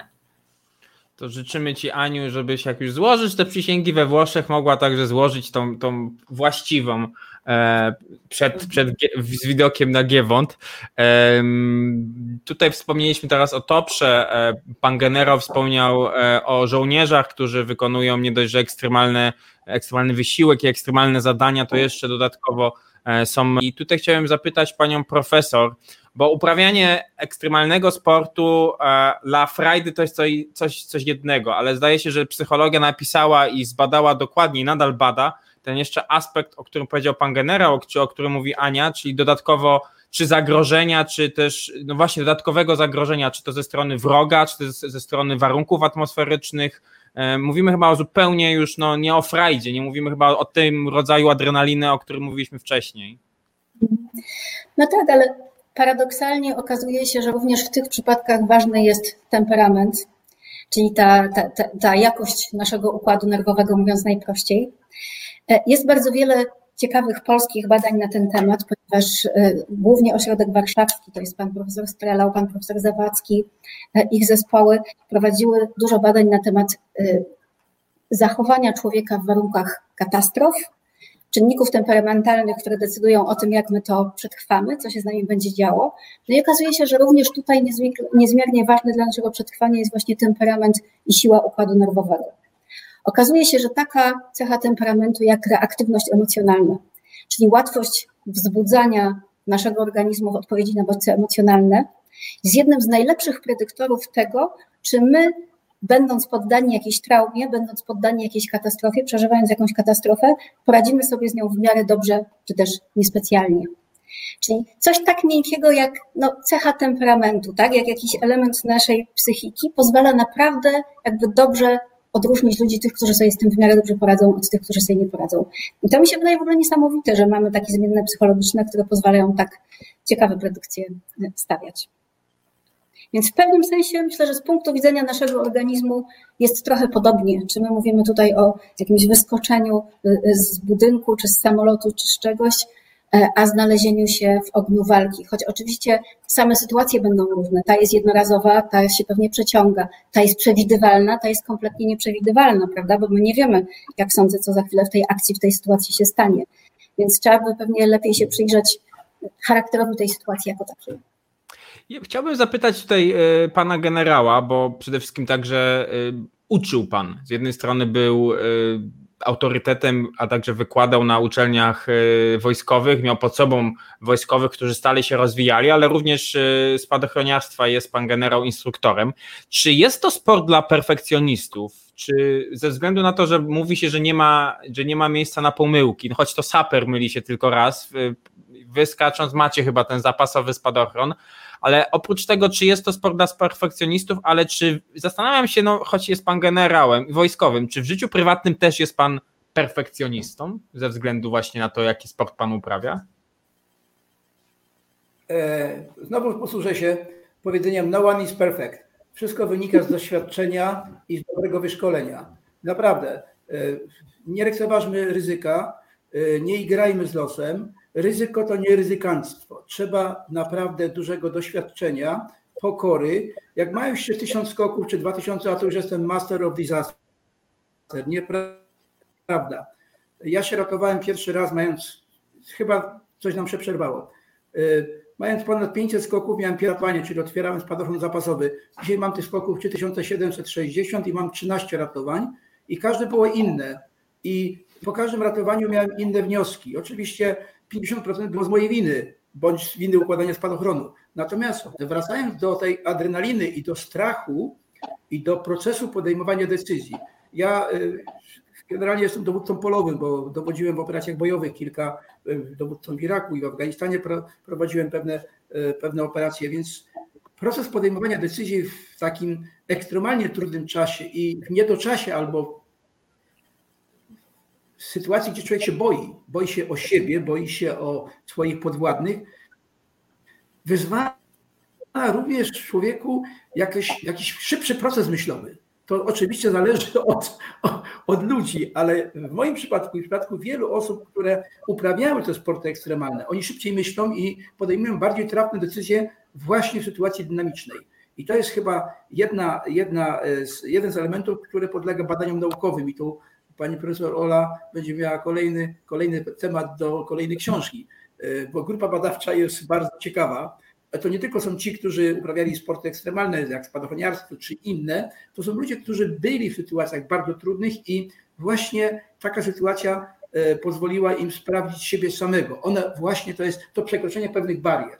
To jest moje doświadczenie, pewnie wielu moich kolegów, z którymi rozmawiałem, mieli takie same, ale, ale wracając do sedna pańskiego pytania, tak, przygotowanie doświadczenie i wyszkolenie. Te elementy są nieodzowne, żeby można było, i odpowiedzialność oczywiście za siebie, za swoich bliskich oraz za zespół, z którymi się wykonuje pewne zadania. To są podstawowe rzeczy, jeśli, jeśli chce ktoś uprawiać sporty ekstremalne. Pani profesor poniekąd wywołana do tablicy, ale także zapytam, czy pani profesor miała taką sytuację ratowania się, o której wspomniał e, pan generał, już e, kilkaset skoków na koncie? Czy trzeba było otwierać e, drugi spadochron, nie treningowo? Muszę powiedzieć, że nigdy mi się to nie zdarzyło. Jakoś tak los jest dla mnie łaskawy. Oby tak. Tak. Pani, generał, Chciałem powiedzieć pani generałowa, e, pani profesor. E, e, chciałem, tutaj tak zapytać do tego, co powiedział pan generał. Zdaje się, że też były takie badania, wiem, że może pytam zbyt szeroko, ale że im krótszy czas na decyzję, tym badano chyba właśnie czas a decyzję i decyzyjność w trudnych, stresogennych warunkach. No, zwrócił Pan uwagę, Pan generał uwagę na, na to, że no, co innego to jest podjąć decyzję na froncie, co innego to jest podjąć decyzję, nie wiem, dotyczącą swojej kariery naukowej i, i dalszego, nie wiem, obiadu. Więc zastanawiam się, czy nasz organizm różnie reaguje w tych sytuacjach, e, kiedy dodatkowe bodźce wpływają na, na decyzyjność. Mhm. Coś, co jest bardzo ciekawe i jest często opisywane w literaturze, to są różne dziwne, niestandardowe przeżycia pojawiające się w tych sytuacjach ekstremalnych. Na przykład jednym z nich, o, których, o którym wielu uczestników tego typu sportów wspomina, jest takie e, e, zmiana poczucia czasu, która pojawia się w sytuacji jakiegoś zagrożenia czy w sytuacji czegoś dziejącego się nietypowo. Czyli ci ludzie często mówią o tym, że oni doświadczają potwornego spowolnienia dziania się rzeczywistości i to pozwala im zareagować na, na, na, to, co się dzieje w danym momencie, w danej sytuacji. Warunkiem jest to, że muszą być w doskonałej dyspozycji i że muszą mieć e, no, no jakby wszystko przygotowane w sensie sprzęt, spadochron, wyrobione odruchy, automatyzmy, i tak dalej, i tak dalej, czyli być perfekcyjnie do tej sytuacji przygotowani. Czyli na pewno wpływają wszelkie możliwe warunki na nasz proces decyzyjny. Im trudniejsza jest sytuacja, ten, te decyzje podjąć trudniej. Aczkolwiek wygląda na to, że w takich szczególnych, skrajnych sytuacjach włączają się jakieś dodatkowe mechanizmy, o których na co dzień tak naprawdę nie mamy pojęcia. Czyli te sceny hollywoodzkich filmów, e, kiedy no, jest jakaś ekstremalna sytuacja i bohater, bohaterka nagle widzi wszystko w zwolnionym tempie i podejmuje właściwą decyzję, to nie jest do końca takie fantastyczne. Tak, myślę, że tak, że to gdzieś ma swoje korzenie w przeżyciach prawdziwych. Czy oznaczałoby to, że nasz mózg wtedy pracuje na jakichś niesamowitych, e, wysokich obrotach? Jakoś inaczej, tak, jakoś jest przestawiony. Aniu, to jeszcze ciebie dopytam, czy ty jesteś perfekcjonistką? Czy twoja piżamka i pościel zawsze na poranny trening po wyjściu z łóżka jest idealnie złożona? No jesteś architekt, architektem, więc architektką tak. musisz kreskę postawić prostą, ale czy to, że w sporcie musisz być perfekcyjna przekłada się na twoje życie? Oj, niestety nie. niestety nie, ponieważ powiedzmy to, że działam na dwóch płaszczyznach, czyli właśnie i architektura i sport, Poza na to, że mam niestety mało czasu na ułożenie tej piżamy rano, więc wstaję jak najszybciej, żeby zjeść śniadanie. Bez piżamy po prostu. Nie, po prostu jej nie układam, po prostu ją zostawiam i czeka na mnie, aż wieczorem wrócę. Także no niestety tak, ja niestety jestem troszeczkę, troszeczkę bałaganu robię wokół siebie, zwłaszcza, że przyjdę po nartach, niestety rzucę je gdzieś tam w kąt, muszę szybko się przebrać w ładną bluzkę i pójść do pracy, także niestety to jest nie. Aczkolwiek to, co pan generał wspomniał, jeśli chodzi o tę perfekcyjność, to właśnie na przykład w takich akcjach ratunkowych, to to nas szkolili właśnie instruktorzy, to bardzo na to zwracali uwagę, że musimy być perfekcyjnie przygotowani z tymi wszystkimi różnymi operacjami, ponieważ jak przyjdzie do tego stresu, no bo wiadomo, na ćwiczeniach nie ma tego stresu, nie ma tego tej świadomości, że gdzieś tam ktoś czeka na nas, czy jest ranny, czy, czy, czy musimy szybko działać, ale właśnie to, że, że musimy być przygotowani na takie sytuacje perfekcyjnie, ponieważ jak dojdzie ten strach, dojdzie ten stres, no to nie wiadomo, jak się człowiek zachowa, nie wiadomo, czy będzie, no musi, musi umieć to zrobić, więc jakby ta perfekcyjność w takich działaniach jest naprawdę ważna. I tutaj, tutaj się kłania złote słowo procedura. Tak. Jeśli mogę coś dodać, to może będzie ciekawe, bo mnie to zafascynowało. Czytałam trochę takich opowieści base jumperów, jak oni się przygotowują do skoków. A base jumping no to jest jedna z najbardziej niebezpiecznych, czy jedna z najbardziej niebezpiecznych form spadochroniarstwa, bo to są skoki z niskich wysokości. No i oni opowiadają o tym, że przygotowanie do skoku jest bardzo, bardzo długim procesem. Jednym z bardzo ważnych elementów jest po prostu doprowadzenie stanu samego siebie do perfekcji. Do tego stopnia, że no niektórzy z nich na przykład używają e, pulsyksymetrów, żeby sprawdzić, czy ich tętno w tym momencie jest już jakby na takim poziomie, który według nich jest optymalny. Czyli pracują z umysłem, pracują z ciałem. Jedni używają umysłu, żeby wpłynąć na ciało, inni ciała, żeby wpłynąć na umysł, ale oni po prostu naprawdę muszą być gotowi do tego, co się za chwilę będzie działo. Nie? To, to mnie naprawdę zafascynowało, że jakby nawet takich technicznych, prostych rozwiązań używają, żeby tylko się upewnić, że e, no właśnie to jest ten moment to Nawiążmy do bampingu, bo mamy pytanie i w tym miejscu zachęcamy e, Państwa do zadawania pytań naszych słuchaczy, a mamy właśnie pytanie, co prelegenci uważają o wingsuitingu? To jest takie, e, wytłumaczę dla naszych słuchaczy, specjalny strój, skrzydło, jak sama nazwa wskazuje i, i skoki są prowadzone w górach, lata się bardzo blisko właśnie podłoża albo skał. No, niestety wielu, wiele tragicznych wypadków jest związanych z tym sportem. No tutaj takie ekstremium i myślę połączenie tego, co Ania ma w górach tego, co Państwo mają w powietrzu. E, więc e, takim prekursorem wszystkich sportów ekstremalnych jest Red Bull, jak wiemy, zarówno lotniczych, e, górskich, spadochronowych. I to jest bardzo ekstremalny sport. Skacze się ze skały, skacze się również z samolotów, parami, pojedynczo z dużą prędkością się opada na dużych, właściwie płaszczyznach płaskich. E, mam wielu kolegów, którzy uprawiają ten sport. Jeden z kolegów Polaków również tutaj ma duże, duże sukcesy. Natomiast e, tak mogę powiedzieć tak, średnio co roku ginie dwóch ludzi. Zabija się. Bardzo doświadczonych skoczków. Po prostu to jest taki sport. Duża prędkość, niskie wysokości, zła ocena e, odległości. No i ułamek sekundy wystarczy, aby się rozbić o skałę albo otworzyć za późno spadochron. No tak to wygląda, ale przeżycia są no, niezwykłe, zresztą obserwujemy to na kamerach, które, na, gdzie rzucają filmiki na YouTubach albo na innych platformach. Nie zachęcam osobiście. Czy pani profesor odważyłaby się uprawiać e, wingsuiting, czy to już jest ekstremium ekstremalności? No myślę, że to już ja chyba nie, już chyba do tego nie dojdę. To wymaga naprawdę dzieci, także nie, nie, nie, tutaj nie, nie, nie ja, ja, Ale oprócz tego, co mówi pan generał, ja aż tutaj usłyszałem takie uff wszystkich studentek i studentów, pani profesor. Nie, nie, ja myślę, że oni tam sobie myśleli byle przed sesją, byle przed sesją spróbowała. Także nie mam dużo czasu. E, ale chciałam, chciałam powiedzieć, że, że akurat ta forma spadochroniarstwa to mi się wydaje po prostu czystą pracą z umysłem. Nie? Że to faktycznie to jest po prostu, nie wiem, jak jakaś taka forma medytacji przez ciało. A żeby tutaj e, ostrzec i, i tak jak pan generał mówi, powiedzieć, że nie zachęcamy, no to to są ludzie, którzy najpierw mają tysiące zwykłych skoków, potem mają tysiące skoków, nie wiem, base'owych albo takich bardziej skomplikowanych, skoków z samolotu w tym, e, w tym ubraniu i dopiero mogą próbować czegoś bardziej skomplikowanego. Czyli tutaj te granice swoich możliwości trzeba poszerzać bardzo, bardzo wolno. To jest zresztą jedna ze strategii, którą e, no właśnie skoczkowie base'owi czy wingsuitowi przyjmują, że oni zawsze znaczy tak jak o tym mówią, ponoć działają na 50-70% swoich możliwości, nie? Że, że taka jest reguła, żeby nie przekraczać tych granic ryzyka. Więc to jest naprawdę, tak jak pan generał mówi, coś, y, no, czego należałoby próbować w drugiej kolejności albo trzeciej. Jestem ciekaw, jaki zegarek Sunto albo Garmina pokazuje y, te moje możliwości 70%, żebym był ocenił, że jeszcze mam ten, ten, ten limit. E, ale zapytam tutaj Anię, e, pan generał przywołał markę Red Bull, tam tak wszystkim nam bliską, a szczególnie mi, e, która no zrewolucjonizowała sport ekstremalny, wprowadziła go do mainstreamu, ale także dała możliwość ludziom, którzy uprawiają te różne niekiedy dziwne dyscypliny albo ekstremalne, przejść na pełen profesjonalizm. Twój kolega klubowy Andrzej Bargiel dzięki właśnie między innymi Red Bullowi ma taką szansę, ale Red Bull bardzo także wspiera kobiety i chciałem tutaj nawiązać do pytania, ok, mieliśmy gigantyczne Polki jak e, Wanda Rutkiewicz czy Anna Czerwińska, które po górach chodziły, ale czy ty jako kobieta miałaś trudniej wchodzić w tą dyscyplinę, czy teraz masz trudniej wyruszyć na ekstremalną e, wyprawę, czy płeć tutaj odgrywa rolę?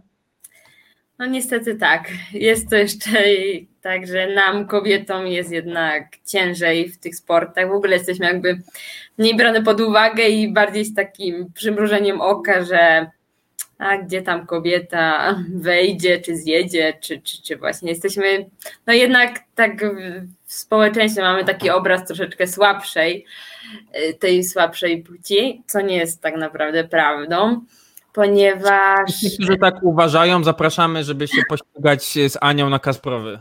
Tak, dokładnie, zapraszam. Y, nie, ponieważ tak naprawdę, czy właśnie w Himalajach czy gdzieś, to uważam, że kobiety nawet są silniejsze, jeśli chodzi psychicznie i są w stanie naprawdę dużo przetrwać i przetrzymać. Y, oczywiście nie, umniejsz, nie umniejszając nikomu i żadnemu Himalajście y, mężczyźnie, aczkolwiek ja myślę, że, no, że kobiety, że też mamy że powinien być też tu na równi traktowany i jeśli chodzi w sprawie sponsorskiej i, i, i, wszystkich, to myślę, że powinniśmy być. Ale tak często się spotkałam właśnie z czymś takim, że, że myślę, że jakbym była mężczyzną, to byłoby mi łatwiej znaleźć sponsorów i, i na właśnie na takie wyprawy, a tu jednak, no niestety muszę się bardziej wysilić. Tak, Ania się wysila, żeby jako pierwsza Polka zjechać z Manaslu. Jeżeli słucha nasz potencjalny sponsor, zapraszamy do kontaktu, e, żeby wyrównać te szanse startowe. E, mamy pytanie od Jacka Grobelnego. Przepraszam, że trochę zasłoniłem pana generała. Przeczytamy to pytanie. E, pani profesor mówi o sportach wysokiego ryzyka, ale przecież ryzyko jest relatywne. Dla mnie skoki spadochronowe były ekstremalne i rzeczywiście ryzykowne ale być może jazda konna, którą uprawiam, byłaby dla Państwa ekstremalna. Czy można powiedzieć, albo podjąć taką próbę, e, wyraźnie e, stworzyć linię wyraźnie odgradzającą sporty normalne od ekstremalnych. Z premedytacją używam cudzysłów. Pozdrawiam. Dziękujemy za to pytanie. Czy ekstremalność to nie jest taka, taka definicja nasza własna? Dla mnie może być ekstremalne coś, y, a dla kogoś innego wręcz przeciwnie. Czy dla pani profesor to, co pani profesor robi, uprawia, to jest sport ekstremalny, skakanie na spadochronie? E, panie Jacku, to jest bardzo dobre pytanie i naprawdę głęboko się zgadzam z tezą, że każdy ma swoje strefy, które są dla niego ekstremalne, a które nie. Czyli dla mnie osobiście ekstremalnym sportem są wystąpienia publiczne, ewentualnie wychowywanie dzieci, Natomiast skoki ze spadochronem wydają mi się jakby zupełnie do przyjęcia. E, żeby te granice zobaczyć tak naprawdę jasno, to myślę, że to po prostu trzeba sięgnąć do e, przepisów e, towarzystw ubezpieczeniowych, bo oni dokładnie wiedzą, które dla nich sporty są ekstremalne, a które nie. Natomiast jeśli chodzi o psychologię i sposób przeżywania, to oczywiście wszystko jest relatywne, nie?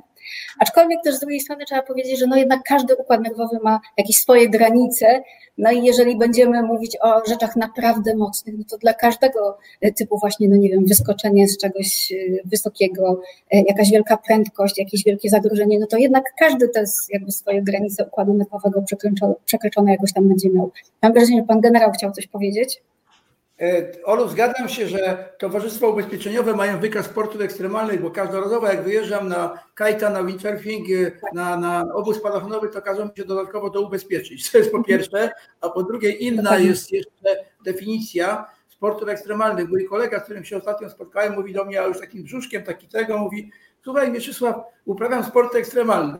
Mówi, co się stało? Mówi, trzeci raz jestem żonaty. No tak. To tak jak zwróciła uwagę pani, pani profesor, e, to chyba to ekstremium, ekstremium stawia. Tutaj też mamy takie, taki, taki komentarz, bo, bo nie wiem, czy możemy potraktować to jako pytanie pani Agaty. Dziękujemy. Zastanawia się pani Agata, jak, odnie, jak odniesiemy się e, do nurkowania na znaczną głębokość. Pomyślałam o tym, że w przypadku sportów ekstremalnych nad powierzchnią w razie wypadków mamy dużą większą e, możliwość niesienia pomocy. E, poszkodowanemu niż pod wodą, e, gdzie trzeba zachować określone zasady wynurzania się. E, jak się Państwo, no pa, pa, Pani profesor, w sumie muszę przywołać do też odpowiedzi, bo wspomniała Pani, że próbowała nurkowania. Jakby Pani odniosła się do tych właśnie dwóch dyscyplin i zestawienia ich ze sobą? W pewnym sensie one mi się wydawały bardzo podobne, tylko może w innych momentach, jak dla mnie przypadał ten punkt, kiedy tak naprawdę było mi trudno. Dlatego, że i to zresztą pokazują też badania, że ludzie w miarę nabywania doświadczenia też różnie te aktywności przeżywają.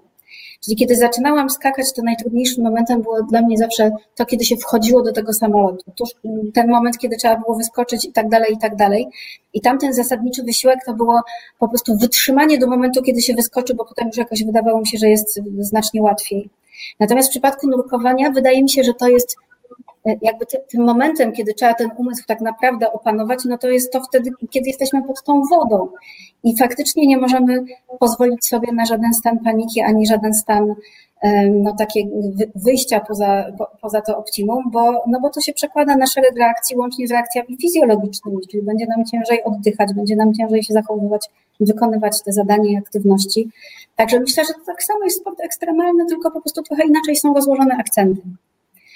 A co do tego, gdzie, gdzie łatwiej ratować, no to trudno mi się wypowiedzieć. Ja uważam, że jest to sport ekstremalny, również nurkowanie, również człowiek tam jest y, narażony na ryzyko, y, jakby efektu tej aktywności nie da się do końca przewidzieć, więc.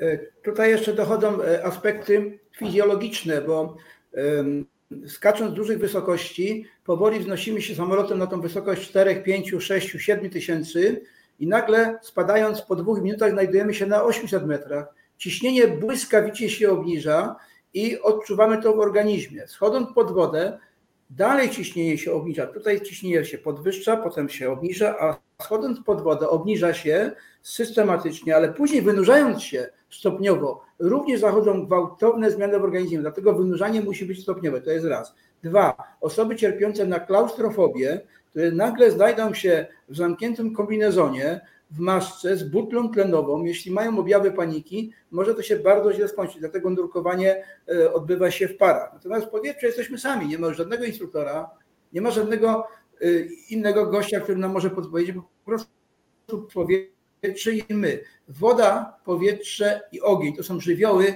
które naprawdę wymagają dużej rozwagi, szkolenia i doświadczenia. Pan generał nawiązał tutaj do samotności. Tu mamy pytanie skierowane do pani profesor od y, Mr. Maxia 13. Dzień dobry, mam pytanie do pani profesor, mianowicie na ile badanych przez panią wyczynowców ważniejsze są momenty, na ile dla badanych przez panią profesor wyczynowców ważniejsze są momenty samotności podczas uprawiania sportów od społecznych aspektów sportu? Czy tutaj pani profesor może się jakoś odnieść? No może spróbuję, bardzo piękny pseudonim. Może zabawne jest to, e, kiedy rozmawialiśmy o tym, jakie tutaj pytania na tej debacie się mogą pojawić, to, to, to, tutaj kolega Samuel uprzedzał mnie, że będzie być może mowa o tym, kiedy te sporty się zaczynały, kiedy był początek sportów ekstremalnych. Więc sięgnęłam do amerykańskiej, do, przepraszam, encyklopedii sportu amerykańskiej. No i tam była taka informacja, że o sportach ekstremalnych mówimy mniej więcej od 95 roku, dlatego że wtedy po raz pierwszy odbyły się zawody, gdzie takie dziwne dyscypliny e, stały się przedmiotem igrzysk.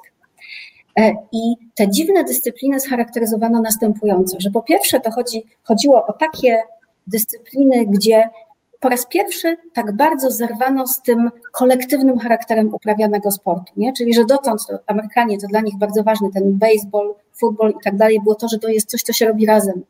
A tu nagle pojawiły się dyscypliny, gdzie najważniejszy był ten atleta, ten sportowiec, jego aktywność, odczucia płynące z ciała z tą aktywnością związane i ta koncentracja na sobie. Więc tak, myślę, że w przypadku tych sportów wyczynowych ten aspekt jest bardzo ważny, tego właśnie kontaktu ze sobą, tej koncentracji na sobie. Ja nie wiem, mnie, mnie kusi, żeby panią Anię o to zapytać, bo, bo, bo jakoś jak ja sobie wyobrażę, y, no, jej, jej sport, no to wydaje mi się, że to, to jest taki przykład, gdzie no, przez długi, długi moment musi być sama ze sobą, nie? z tym wyzwaniem, które na nią czeka, z tym zjazdem. No tak, to, to prawda. Ja myślę, że tu bardzo. i wychodzeniu. Mhm. Tak, ja uważam, że w ogóle, czy nawet w tym moim sporcie, który uprawiam tak wyczynowo, też jeśli chodzi o ski alpinizm, ważnym, uważam, co niestety u nas w Polsce jest bardzo pomijane, ważnym aspektem nawet w kadrze, uważam, że nie powinien być nie tylko fizjoterapeuta, ale i psycholog, ponieważ uważam, że większość i sukcesów, i problemów właśnie sportowców, takich sportów indywidualnych, no właśnie jest jednak w głowie. E, czy, czy właśnie, czy wytrzymać do tej mety, czy gdzie się nie poddać, czy coś, no jednak większość, powiedzmy, że nasze ciało, które trenujemy przez cały rok jest jakoś przyzwyczajony do tego, a jednak no, trening tej głowy, no to czasem często jest pomijany, czy nawet wyjście właśnie w takie Himalaje. To uważam, że tutaj nie tylko przygotowanie pod względem fizycznym jest ważne, ale właśnie to pod względem psychologicznym, że powiedzmy, że pierwszy, kto się poddaje, to się poddaje właśnie głowa, prawda? Aniu, robisz teraz kosztorys wyprawy w Himalaje, dopisz tam po prostu psycholog, e, będzie łatwiej e, planować koszty, ale w wielu dyscyplinach myślę, że już był taki moment przełomowy w polskim sporcie i w psychologii, kiedy po prostu przy sukcesach Adama Małysza, kiedy opadł trochę po pierwszych sukcesach, pojawiło się nazwisko profesora Żołędzia e, i, i, i Blechacza, e, Blecharza, może mylę, z AWF-u współpracującego również z Instytutem, tak. e, który trochę no, odczarował nam ten temat i wiem, że psychologowie, psychologowie współpracują z wieloma kadrami polskimi. Nowski alpinizm przez swoją wpadkę olimpijską pewnie ma mniejsze środki, bo może nie wszyscy wiedzą, było bardzo blisko temu, żeby Ania mogła nas reprezentować na Igrzyskach Olimpijskich, e, gdyż przed Igrzyskami w Turynie e, ski alpinizm był proponowaną dyscypliną do, do kolejnych igrzysk i odbyła się taka prezentacja, w której uczestniczył między innymi Andrzej Bargiel, już trzy razy dzisiaj przeze mnie wspomniany, ale niestety zeszła lawina w czasie tej prezentacji dyscypliny, przysypała zawodników i przysypała tak. tym samym szansę, żeby y, ski alpinizm został wpisany do listy dyscyplin na Igrzyskach Olimpijskich, co by się wiązało z tym, że Ania by się teraz łączyła z nami z pięknego hotelu, masowana przez fizjoterapeutów i psychologów, wspierana, bo miałaby dotację olimpijską. Ale wszystko jest na dobrej drodze, ponieważ teraz co roku, jak mamy Mistrzostwa Świata, to przyjeżdża, przyjeżdżają osoby z Komitetu Olimpijskiego, także miejmy nadzieję, że wejdzie. Zresztą teraz na Młodzieżowej Olimpiadzie w zeszłym roku w Lozannie, w Szwajcarii, była, był już ski alpinizm. Także no myślę, i wojsko przeciera ślady, bo tak jak tak. wspomniałem na tym początku, jesteś po przysiędze, żeby reprezentować wojsko polskie na igrzyskach wojskowych. Tak, tak, tak. Które czego, niestety czego zostały czego Pani Ani życzymy z całego serca. Ja będę zapartym tchem oglądał. A wracając do psychologii, nie ma chyba już dyscypliny sportu, w której nie ma psychologii. E, Iga Świątek, dzięki temu, że zaangażowała nie tylko trenera od sportów takich jak e, tenis, e, czy lekkoatletyka, czy siłka, ma psychologa. Dzięki temu wie, w którym momencie uderzyć ekstremalnie trudną piłkę na końcówkę i rozbić gwiazdy, które były od niej wyżej czego brakło na przykład wspaniałemu teścicie naszemu Janowiczowi. Takie dziewczyny jak Syrena czy jej siostra Williamsu od, od początku zatrudniały psychologa. Nawet w filmie Samotność gangstera widzimy, że ma też psychologa, także psychologia jest wszechobecna. Ja, I nie, nie, ja bym nie bójmy się, dodał... nie bójmy się, przyznawać do tego, że potrzebujemy my sami w życiu rady przyjaciół. A cóż innego jest jak dzisiejsza rozmowa z nami tutaj i słuchacze, którzy są z drugiej strony. To jest też pewne rady, które my możemy dać, albo też wysłuchać od innych. Ja się dzisiaj wiele od Państwa nauczyłem i dowiedziałem. Za to bardzo dziękuję. Pan generał wspomniał o Idze Świątek, naszej e, nadziei tenisowej, ale już sukcesami, a ta psycholożka, bo to wymieńmy je, to jest pani Daria Abramowicz, która naprawdę z naszej tenisistki uczyniła wielką zawodniczkę. Mamy pytanie od pana Piotra e, Gradowskiego. Czy można w jakiś sposób nauczyć się odporności psychicznej na długotrwały wysiłek i związany z nim możliwy ból? Na przykład w przypadku ultramaratonów. Zacznę od pana generała, bo uprawiał pan generał e, wiele dyscyplin sportowych, oprócz tego, jak zawodowo musiał pan być e, generał sprawny. I czy e, wypracował pan generał w sobie tą, tą taką odporność na, na długotrwały wysiłek? No bo w wojsku to niejednokrotnie miał z nim pewnie pan generał do czynienia. Tak, długotrwałe marsze, maratony, których cztery zaliczyłem, to wszystko jest tutaj, to wszystko jest w głowie. Mój przyjaciel czterokrotny mistrz olimpijski w chodzie, Robert Korzeniowski, zawsze mi powtarzał jedną rzecz. E, samotność sportowca jest czymś, bo to jest samotność. Tak samo jak dowodzenie jest samotne, tak długie maratony, biegi, chody, to jest samotność. Człowiek ma wiele przemyśleń, walczy ze sobą, ze swoim umysłem i ze swoim organizmem, ze swoimi słabościami. Ja nie wiem, tego się chyba nie może nauczyć. To trzeba po prostu w jakiś sposób e, uodparnia swój organizm na to. Ja miałem takie momenty w maratonie na 30 km, na 25, że powiedziałem, rzucę to wszystko, przejdę do najbliższego punktu, gdzie mnie dowiozą do mety. Ale to zawsze każdy ma swoje słabości. Nigdy nie, e, nie przebiegłem żadnego ultramaratonu. Podziwiam tych ludzi, bo e, organizm w pewnym momencie odmawia posłuszeństwa. My, e, robiąc selekcję do oddziałów specjalnych, stosujemy taką taktykę wykończenia organizmu, nie tylko fizycznego, ale psychicznego, dając kolejne punkty do, e, i zadania do, do, do, do wykonania, które są w zasadzie niemożliwe. Obiecując gościom po 25-kilometrowym marszu w ekstremalnie trudnych warunkach w górach plecakami 25 minut odpoczynku czy godzinę i ciepłe jedzenie. Niestety po 5 minutach zrywamy i idą dalej. Czyli muszą to wszystko jakoś przeżyć. To wszystko tkwi w głowach. To nie tylko siła mięśni, ale siła woli. Pani profesor, czy pani chciałaby się odnieść jakaś do tego pytania? Czy możemy się nauczyć odporności psychicznej na długotrwały wysiłek i związany z nim ból? Hmm. No, wydaje mi się, że pan generał tutaj po prostu wypowiedział się jak e, profesor psychologii stosowanej i trudno jest mi tutaj coś dodać. Czyli po prostu stawianie się w sytuacji dyskomfortu i wytrzymywanie tej sytuacji, powtarzanie takich działań, e, plus uczenie się czegoś, co psychologowie nazywają strategiami regulacji emocji, tak? Czyli uczenie się, nie wiem, jakichś form, czy to dialogu wewnętrznego, czy jakiegoś, nie wiem, e, instruktażowego, czy motywacyjnego, e, tak żeby jakby samemu ze sobą móc w tych trudnych momentach pracować. No, nie ma chyba lepszych metod, nie wiem, trudno by było coś. Rozbudowanie takiej elementarnej pewności siebie, no ale ona też się będzie tworzyła w miarę postępów w takim treningu, o którym pan generał mówi. Aniu, twój proces y, treningowy to jest morderczy wysiłek, żeby mieć na końcu gdzieś te zawody czy, czy ten cel sportowy. Zastanawiam się, jak ty wypracowałeś w sobie tą odporność na, na, na ból, który pewnie niejednokrotnie ci e, doskwiera i towarzyszy w uprawianiu sportu, a oprócz bólu jeszcze, nie wiem, ziąb i czynniki atmosferyczne. Tak, ja myślę, że też tutaj ważnym czynnikiem, to jak pani profesor wcześniej wspomniała, jest też temperament.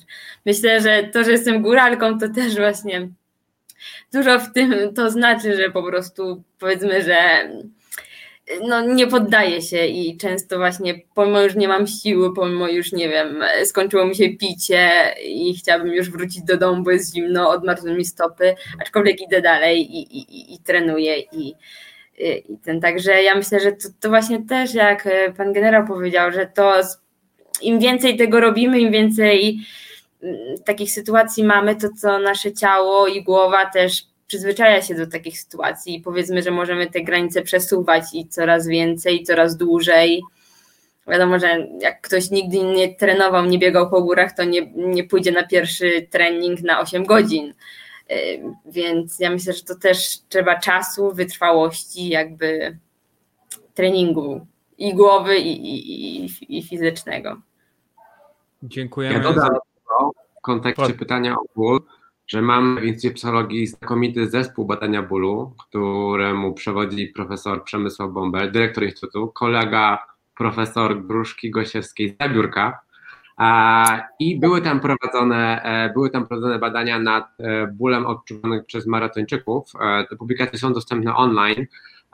I rzeczywiście pamięć tego bólu na przykład, ponieważ sam jest doświadczeniem subiektywnym, jest z czasem mniejsza, w związku z czym e, łatwiej zaangażować się po raz kolejny w to doświadczenie, które samo w sobie jest ekstremalne. Więc ból edu.pl zachęcam, cała masa publikacji, a proszę śledzić e, i właśnie także w kontekście właśnie e, takich ekstremalnych doświadczeń sportowych.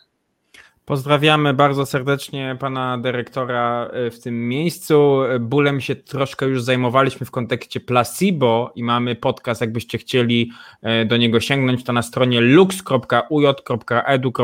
Tam nasze nagranie z tej dyskusji o bólu e, się mieści, ale myślę, że na pewno powrócimy do niego w przyszłości. Kolejne pytanie, zanim je zadam, to ostatni apel do naszych słuchaczy, blisko 100, a bywało i 130 dzisiaj osób z nami na tej sali ostatnia szansa, żeby zadać pytanie w komentarzu. Pan, pani Kamila pyta, e, czy pani psycholog, pani profesor może odnieść się do sztuk walki, do tego, co kieruje ludźmi, którzy się decydują na walkę w ringu z punktu widzenia psychologa. Sama miałam walkę, więc wiem, jaki proces się pojawiał w mojej głowie, ale jestem bardziej ciekawa profesjonalnej analizy. Pani profesor, e, nie macie ringu w instytucie, ale macie inne niezwykłe laboratoria i co w takiej głowie MMA-owca albo boksera, może bardziej właśnie w tej klatce, która teraz stała się modna, się dzieje, że, że chce się walczyć, tak naprawdę narażając swoje zdrowie niejednokrotnie? Muszę powiedzieć, że chyba nie wiem, nie mam jakiejś dobrej odpowiedzi na to pytanie, jakoś akurat sporty walki na szczęście mnie omijały i w praktyce, no i może szkoda teraz, że omijały mnie również w teorii. Wydaje mi się, że jak większość sportów, to, to jest taki typ aktywności, który wymaga po prostu absolutnej koncentracji i to takiej koncentracji, która z jednej strony dotyczy tego, co, co się dzieje ze mną tu i teraz, ale też takiej otwartej na to, co, co idzie z zewnątrz, no bo przecież tak naprawdę no to tym obiektem, na który ja muszę reagować i w stosunku do którego muszę się zachowywać, no to jest ten mój przeciwnik. Ale nie wiem, czy coś tutaj ciekawego umiem dodać. Pewnie pojawia się strach, pewnie pojawia się, pojawiają się różnego typu obawy. Trzeba przez chwilę zapomnieć y, o bólu, jeśli się taki trafi. Może pan generał będzie lepiej potrafił na to pytanie odpowiedzieć. Panie generale, walka wręcz y, też jest elementem wyszkolenia wojskowego, zdaje się, więc y, co, co no, w, jak... więc właśnie chciałem, chciałem dodać, że stosując Nie, nie jestem fanem walk sportowych w ringu, natomiast uważam, że sztuki walki są elementem wyszkolenia bojowego. Walka wręcz z użyciem wszystkich możliwych środków. Od łopatki saperskiej poprzez nóż szturmowy, ale on prowadzi do zniszczenia lub zabicia albo uszkodzenia przeciwnika. Natomiast walki takie w NMA-u, w klatkach, boks, oczywiście daje jakieś przygotowanie, ale to jest zacięcie sportowe, które również przygotowuje ludzi do różnych innych, e, powiedzmy sobie, zawodów. Natomiast y, na pewno zawodnicy mają tam duży stopień adrenaliny, chcą również się wyróżnić, chcą podjąć to ryzyko, chcą zaistnieć w swoim społeczeństwie, w swoich, w swoich środowiskach. No, motywacja na pewno jest różna. Natomiast mówię, w siłach zbrojnych, w jednostkach specjalnych stosuje się specjalne techniki walk. Oczywiście NMA również czasami zawodnicy, znaczy żołnierze też biorą udział w tego rodzaju e, sportach już poza służbą. E, od zawsze w jednostkach specjalnych i policjantów walka wręcz była elementem wyszkolenia fizycznego, co jest zrozumiałe. Ja, ja też dodam, tak sobie przypomniałem a propos żołnierzy i dzisiejszego połączenia z górami. E, jest taki były brytyjski żołnierz, którego nazwiska teraz nie wymienię, pochodzenia nepalskiego albo pakistańskiego, który zdaje się właśnie się zasadza na K2. Może Ania mi powie jego nazwisko, jeżeli kojarzy. On w zeszłym roku w, zrobił e, wszystkie ośmiotysięczniki e, w chyba w 28 dni. Jako najkrótszy, a też mnie nie pamiętam. Kojarzę go na Instagramie, ale w tym wszystkim jego, jego wytrzymałość, jego możliwości i, i background psychologiczny to jest wszystko pozostałość wojska i tego, że służył w armii. Mamy pytanie od profilu Wielka Ucieczka. Czy istnieje jakiś psychologiczny model osobowości, który ma skłonność do sportów ekstremalnych? Chyba troszkę na to odpowiadaliśmy, ale pani profesor, jeżeli nie wiem, jestem rodzicem, czy jestem w stanie widzieć o swojego dziecka, że nie wiem, no, ma skłonności ku, ku jakimś zachowaniom i nie wiem, będzie chciał skakać na spadochronie, lepiej u niego wypracować strach przed lataniem? Czy jesteśmy w stanie takie rzeczy zaobserwować w młodości? No jeśli mam odpowiedzieć teoretycznie, no bo tu jest znowu kilka jakby kwestii. Jeśli chodzi o samo to, czy jest model, który opisuje skłonności do takich sportów, to zachęcam do zapoznania się z modelem Zakermana poszukiwania doznań.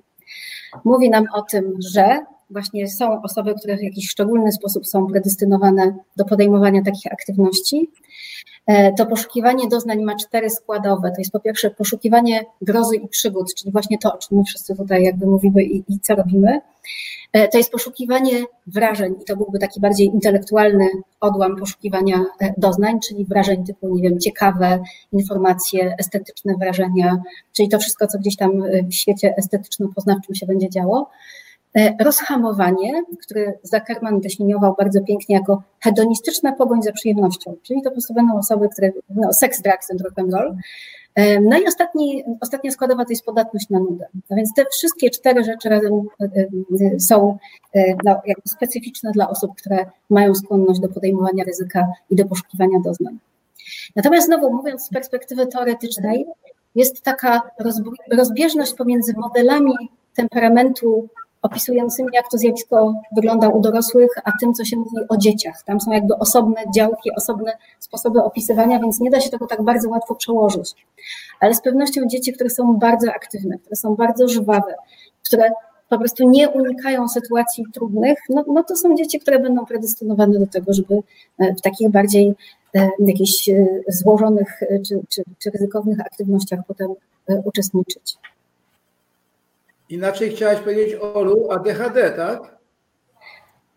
Można to i tak ująć. Myślę, że tak. Jeśli nam się wydaje, że nasze dziecko ma ADHD, to o ich, ktoś tutaj dzwoni.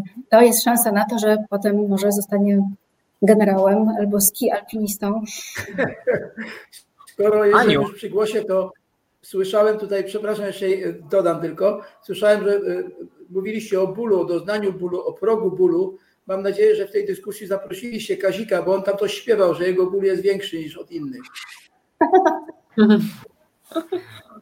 Chciałem zapytać tutaj Anię y, nie o Kazika, ale e, o to, czy byłaś takim dzieckiem nadpobudliwym trochę, czy właśnie wręcz przeciwnie, jak to jest u ciebie? Bo ty jesteś osobą spokojną na co dzień. Więc, znaczy, więc... tak wydaje. Nie, nie, nie. To może tak ci się wydaje. Nie, niestety tak, ja też. Ja myślę, że byłam takim dzieckiem ADHD, że cały czas dużo rzeczy mnie nudziło, szukałam właśnie jakichś innych, nowych, różnych, innych, także tak, myślę, że mogłabym się bardziej tak się może taki obraz stwarzam, takie pozory, że jestem spokojna, ale nie, no niestety nie. Jestem bardzo nerwową osobą i myślę, że tak to ADHD od dziecka było, było u mnie. Nazwijmy to ambitną, ale najbardziej spokojną osobą. Pani profesor, proszę, oddaję głos. Chciałem powiedzieć, że Samuel jest najbardziej spokojny w tym momencie, ale niech będzie nadal spokojny i pani profesor, e, proszę bardzo. Ja tylko dwa wskaźniki, które mi się teraz przypomniały, które chyba łatwo zaobserwować, chciałam dodać. Pierwszy to jest przewaga emocji pozytywnych nad negatywnymi u dziecka, nawet trzy. Regularność różnych zachowań, czyli regularnie śpi, regularnie je i tak dalej, i tak dalej. I trzecie, łatwo przystosowuje się do nowej sytuacji. To są takie trzy cechy, które świadczą o właśnie takim dobrym, silnym układzie nerwowym, dobre prognostyki na przyszłość. Innymi słowy, Olu, to są cechy przywódcze również. Tak, Przywódcy zdecydowanie. charakteryzują się takimi cechami. Tak. Y, szanowni... Jako świetny przywódca, niestety do sportów ekstremalnych się nie nadawał. On tylko cygarko, whisky i podejmowanie bardzo trudnych decyzji w ekstremalnie trudnym czasie. No, psychologia ma jeszcze trochę do zrobienia. Jeszcze wszystkiego nie wyjaśniliśmy. O cechach przywódczych może... Tak. Krew pod to obiecał politykom. E, krew, pot i łzy życzymy Ani, bo ona uprawia sporty, przed nią teraz starty, więc trzymamy kciuki, żeby nie było krwi, nie było łez, a jeżeli łzy to zwycięstwa. E, trzymamy również kciuki za ten sukces, za ten cel sportowy, już mówię sukces, no niech będzie sukcesem, związany z Manaslu i z wyprawą w Himalaje. Na tym myślę skończymy nasze spotkanie. Bardzo dziękujemy wszystkim naszym słuchaczom licznie zebranym. Nasze spotkanie zostanie opublikowane w formie podcastu. Troszkę dźwiękowo popracujemy, bo tutaj mieliśmy e, małe problemy, myślę, dźwiękowe, ale postaramy się jak najwięcej wyciągnąć z tego, żebyście mogli do tego wrócić, ale nagranie również zostaje w sieci, więc przekażcie je dalej. Jeżeli uważacie, że to, co pan generał e, mówił, to co pani profesor i co Anna mówiła, jest warte przekazania. Już tutaj w komentarzach nam zwracaliście uwagę na piękne cytaty, więc y, może ich jest więcej. No między innymi ryzyko to nie ryzykanstwo. Piękne zdanie napisał Kuba Sarata po wypowiedzi pana generała. E, I, i bardzo, bardzo dziękujemy wam za obecność. Samuelu, czyń honory. Mnie naszła taka jeszcze jedna myśl, że e, poprzednie spotkanie, gdzie mówiliśmy o coachingu, Trochę jednak koresponduje z tym, bo mówimy o pewnym wymiarze nowoczesnego indywidualizmu. Tak, to, że te sporty ekstremalne są jednak sportami uprawianymi e, w pojedynkę, a to jest trochę nam mówić o nowoczesnym społeczeństwie i tego, że jednak jakby nasze społeczeństwo pod tym kątem bardzo się zmieniło. Dlatego zachęcam Was, e, abyście ten podcast z poprzedniego spotkania e, przesłuchali, przesłuchały. Bardzo dziękujemy. Dziękujemy. Dziękujemy.